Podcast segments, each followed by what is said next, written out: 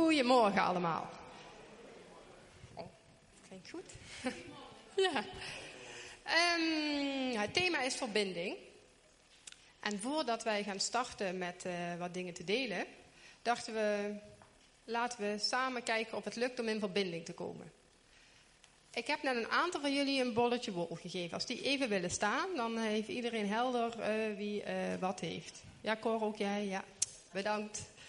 Um, ik wil de zaal even in vier stukken delen. Nou, op zich is het logisch hier. Dit is één stuk, hè? Dat, uh, uh, tot en met uh, Martin Gabbelsta die rij. En dan Sonja tot daarachter. En dan is het Kim, naar, dat is de rij om naar daarachter te gaan. Dus als je je draait, dat is je vak.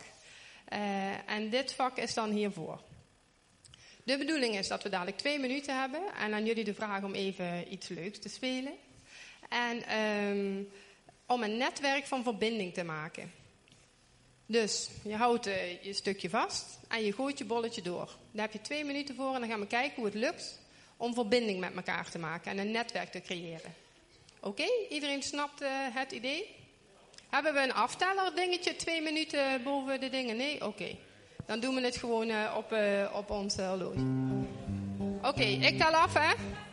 3, 2, 1 en go!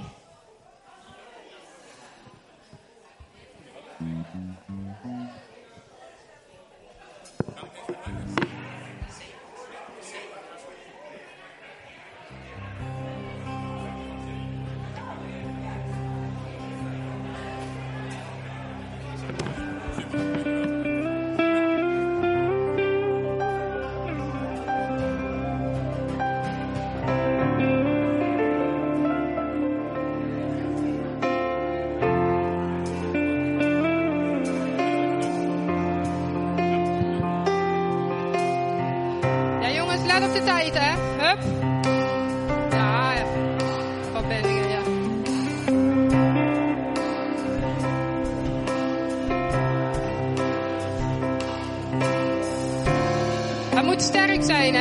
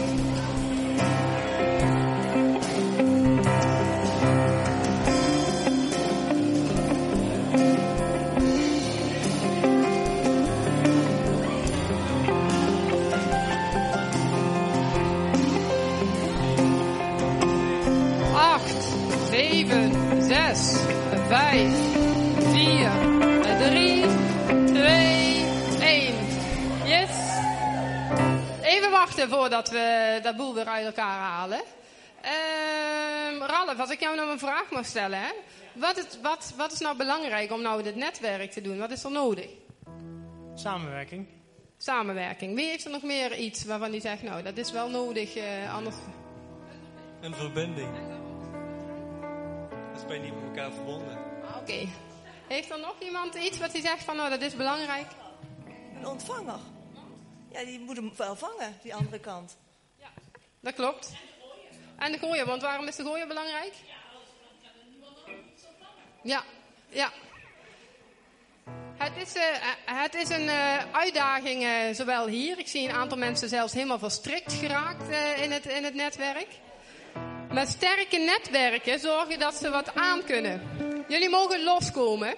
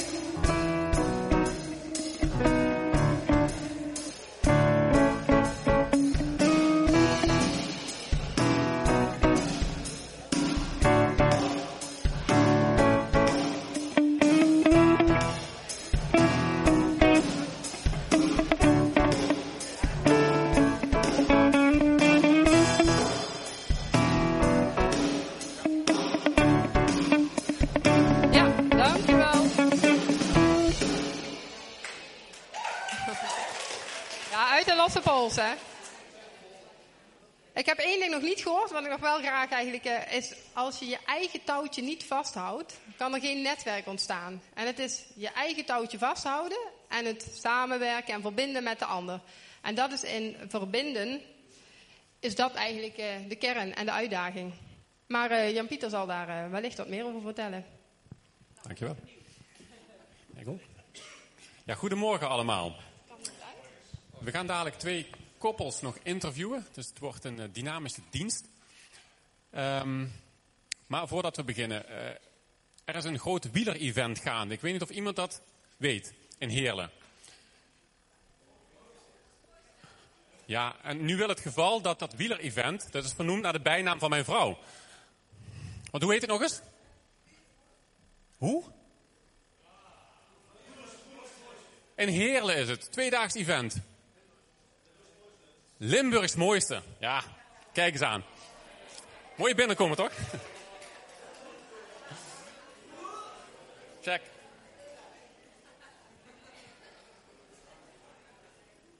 Vandaag denken we na met elkaar over verbinding.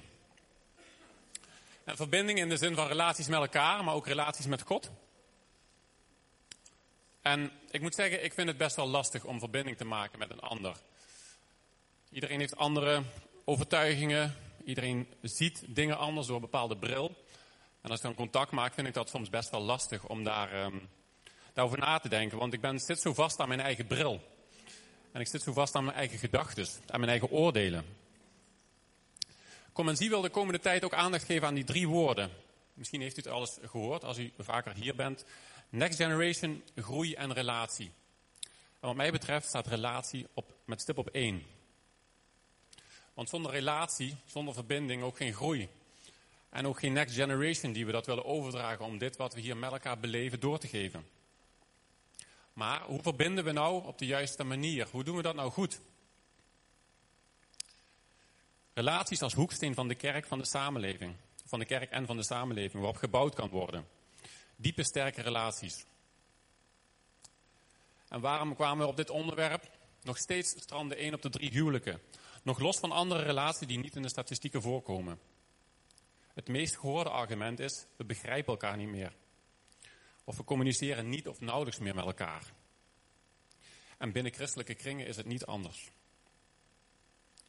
Op een of andere manier worstelen we met onszelf en dat uitzicht in de relatie met de ander. En dat brengt me bij punt 1 van drie punten die ik met jullie wil delen vandaag. Voordat we naar de interviews uh, gaan. Punt 1 is hou van jezelf. En ik weet dat hier iemand woont, hier. En die heeft daar een lied over geschreven. En het is niet Reurig. Maar, en dat hoor ik wel eens als hier geklust wordt. En dan zingt iemand een heel mooi lied. Ik weet niet, Rijn, of je de titel van dat lied even wil noemen. Ik hou van mij, ja. Ja. En ik vind het wel een heel terrein. Misschien moet ik dat eens introduceren hier. Hè? maar ik vind het wel een heel mooi, um, mooie gedachte. Want er staat: hou van, hou van je naaste. Net zoals je van jezelf houdt. Dus het is ook nog een Bijbelse boodschap. Het is waar. Ontdek jezelf en ontdek je sterkte, je zwakte. Ontdek um, jouw gedachten, jouw gevoelens. Dat maakt dat je ook met die ander eerder in verbinding komt. Ik zelf heb pas een opleiding afgerond en daar werd tot in den treur aan mij gevraagd van, waarom doe je dat nou? En ik moest steeds weer terug naar mijn gevoel. En ieder mens heeft zo zijn zichtbare deel, zeg maar dat wat je ziet, maar ook zijn onzichtbare deel. En dat zijn zijn overtuigingen, zijn verwachtingen, zijn behoeftes en gevoelens. En ik vind het zelf best lastig om daarbij te komen. Dus daar had ik wel wat hulp bij nodig om daar te komen. Maar juist door daar te komen, uh, ja, bracht meer verbinding met die ander. En dat ging meer over de essentie om contact met elkaar te hebben. Ik verwacht bijvoorbeeld van iemand die heel passief is en niet reageert op een vraag van mij van... Hé, hey, hallo, wat is dit? En dan heb ik al een oordeel van wat onbeschoft of ja, vul maar in. Terwijl ik niet naga of niet doorvraag van hey, wat maakt nou dat je zo reageert? Wat zijn nou jouw achterliggende gedachten daarbij? En dat doen we eigenlijk allemaal heel snel. We zitten heel snel in het oordeel op datgene wat we van elkaar zien Ik moest er van- vanochtend nog aan denken. Eh, als er iets gebeurt, we zitten vaak meteen in het negatieve. Op basis van wat we zien. Dus punt 1 is leer jezelf kennen en bedenk welke overtuigingen bij jezelf leidend zijn in je handelen. Het geeft jezelf inzicht en helpt je om verbinding te maken vanuit je eigen gevoel. In een relatie ben jij tenslotte degene waar je de meeste invloed op kunt uitoefenen. Je kunt de ander niet veranderen. De EO maakte een tijdje geleden een programma waarin stellen die aan de rand stonden om te gaan scheiden, 40 dagen van elkaar ehm, verwijderd werden, zeg maar. De man of de vrouw ging het huis uit, 40 dagen zagen ze elkaar niet en hadden ze de tijd om in de spiegel te kijken. We hebben daar een kort filmpje van. En in die 40 dagen keken ze naar hun eigen aandeel.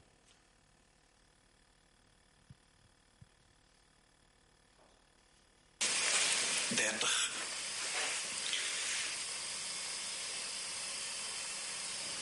Ja, ik heb eigenlijk niks te zeggen. Ik heb het gewoon helemaal gehad.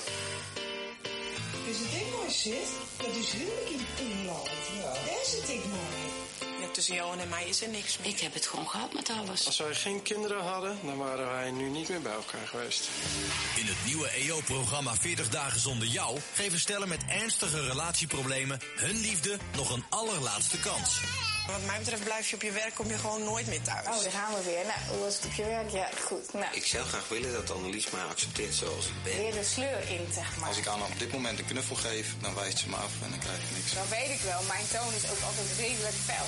Ja, maar daar word ik niet vrolijk van. En ik ben geen werknemer van je. Ze voelt niks van mij. En ik hoop echt van harte dat het goed komt. 40 dagen uit elkaar. In de hoop daarna de verloren romantiek weer terug te vinden. Nou, ik ga eindelijk. Ik die mis. We zijn tien jaar bij elkaar geweest en nu, nu is hij weg. Ik ben bang eh, voor het feit dat het eh, gaat mislukken. Ik besef me dat ik er niet geweest ben voor jou. En ik wil je daar voor mijn excuus aanbieden. Eenmaal alleen worden ze geconfronteerd met hun eigen aandeel in de mislukte relatie. Ik heb mijn vader ook zo getekend met zijn hand, zo. Zo van, jij bent ook zo vervelend en zo'n lastig kind. Ik niet meer inderdaad zo'n moeilijke vrouw. Ik, ik wil het gewoon graag gewoon leuk hebben en goed hebben, maar... En dan wil ik toch dat zo graag voor haar zijn. Op het moment dat ze dus eh, moet huilen. En dat, dat lukt dan eigenlijk niet. Het trekt me gewoon mee naar beneden, terwijl ik dat helemaal niet wil. Ik weet het gewoon niet. Die therapeut geef ik een hand. En ik wil haar dus gewoon een hand geven. Ik ben toch geen bezoek of zo? Samen met relatietherapeut Hans Groeneboer proberen de stellen weer dichter bij elkaar te komen. Ja, er valt een soort last van me af. Ja. Dat van Johan om dat te horen? Ja, niet zo leuk. Ik begrijp gewoon niet wat ze zegt. Ja, ik heb het al gehoord. Ik verlang naar vertrouwen in mij. Nou, als ik er dan toch niet gelukkig kan maken, dan, eh, ja, dan moeten ze er maar mee stoppen. Ik twijfel eh, wel aan een goede afloop, ja. Toch wel. Ik dacht, Johan gaat veranderen in 40 dagen en dan komt het helemaal goed. Ik had niet verwacht dat er nog een omkeerpunt zou komen. Ik had er echt een hard hoofd in. Dat is verbinden, Annelies. Dat is verbinden. Ja. Het is feest vandaag. Eindelijk naar huis. We gaan er nu echt voor en we gaan eh, een nieuwe toekomst opbouwen. Just for one day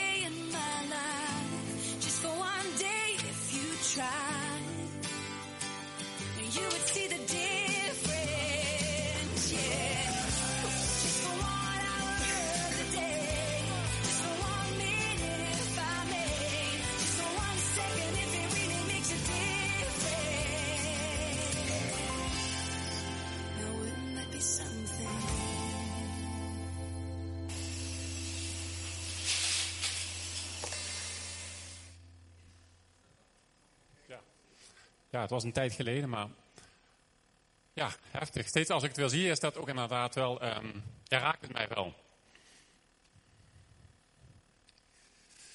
Wat je in het filmpje ziet, in het eerste deel, dat de partners naar elkaar wijzen, als de schuldigen van hun falende relatie. De ander wijst me af, de ander begrijpt me niet, de ander moet me accepteren. Iemand zegt van, ik ben geen werknemer van je. En in het tweede deel, na 40 dagen hè, op, jezelf te staan en naar je eigen aandeel te, te kijken, ontdekken ze ook een eigen aandeel. En hoor je zinnen als: Ik besef me dat ik er niet geweest ben voor je. Of ik bereik je niet. Of inderdaad, ik weet het gewoon even niet. Eerlijk zijn over je gevoelens daarover. In de spiegel zien ze hun eigen aandeel. Allemaal verschillende oorzaken. Opvoeding, eigen behoeften of verlangens die misschien niet gedeeld zijn. We zijn bij punt 2 aanbeland van de drie punten die ik wil noemen. En we focussen nu een beetje op de huwelijksrelatie, maar ik denk dat het in alle relaties ehm, helpend kan zijn. En het lastige is dat man en vrouw, ja, ze zijn nou eenmaal andere wezens. Ze hebben andere behoeften. Ze praten anders of meer, weet ik niet. Het verschil tussen man en vrouw. Ja, ik denk dat jullie het wel kennen. Zoals we hier zitten zijn we allemaal anders. Oud, jong. We hebben verschillende ideeën en opvattingen. We reageren allemaal anders op verschillende situaties in het leven. De Bijbel beschrijft ook het verschil tussen man en vrouw. Nu ga ik daar niet heel diep op in. Maar wat je wel eens hoort is dat de man, de man is de leider van het gezin. En de vrouw is de hulp. En wat vaak wordt uitgelegd is dat dat een soort hiërarchische relatie is. De man staat hier en de vrouw staat hier en de vrouw zal maar moeten doen wat de man is. Even zwart-wit. De uitleg die ik uh, in deze dagen las, die vond ik wel mooier. En die zei eigenlijk van de vrouw is een hulp in de zin van als je iets niet weet wat je niet weet of als je iets niet kan, dan vraag je er hulp bij. Dus de vrouw die kan datgene wat de man niet kan. En andersom. En zo heb je een eenheid naar Gods beeld die ontstaat. En dat is heerlijk om te ontdekken. Te accepteren dat de ander anders is en daar gebruik van te maken. En daar ook even in gesprek te gaan. Ik bedoel, Lynn is zo anders dan mij. Ze helpt mij weer om die verbinding te maken. Verbinding met anderen. Haar spontaniteit en andere focus vult mij aan. En daarover gaan we in gesprek. Zij ziet mogelijkheden waar ik af en toe wel eens sceptisch ben. En over die verschillende gedachten gaan we dan over in gesprek. We bevragen elkaar over onze gedachten en onze gevoelens daarbij. Ik wil een stukje lezen en dan komen we bij punt 3. Dus punt 1 is ontdek jezelf. Punt 2 is erken ook het verschil. Het verschil tussen de ander. Ik dacht vroeger van iedereen is toch hetzelfde, maar ik kwam wel in de loop van mijn leven erachter dat dat niet zo is. Ik wil een stukje lezen uit Lucas 10, vers 38 tot 42. Een bekend stukje over Maria en Martha. Als inleiding op punt 3. Ik weet niet of ik dezelfde vertaling heb. Ik heb een iets andere vertaling, zie ik. Het gebeurde toen zij onderweg waren dat hij in een dorp kwam. En een vrouw, van wie de naam Martha was, ontving hem in haar huis. Dus Jezus kwam daar op bezoek. En ze had een zuster die Maria heette. Die ook aan de voeten van Jezus zat. Of die aan de voeten van Jezus zat. En naar zijn woord luisterde. Maar Martha was druk bezig met bedienen. Nadat zij erbij was gekomen staan, zei hij: Heren, of zij zei: Heren, trekt u het zich niet aan dat mijn zuster mij alleen laat bedienen? Zeg toch tegen haar dat ze mij helpt. Jezus antwoordde en zei tegen haar: Martha, Martha, u bent bezorgd en maakt u druk over veel dingen. Slechts één ding is nodig. Maria heeft het goede deel uitgekozen, dat niet van haar zal worden afgenomen. Twee verschillende typen mensen, Maria en Martha. Maria die zit bij Jezus aan tafel en Martha is aan het bedienen. En het woord wat daar gebruikt wordt, dat wordt ook gebruikt voor de diakenen. Hè?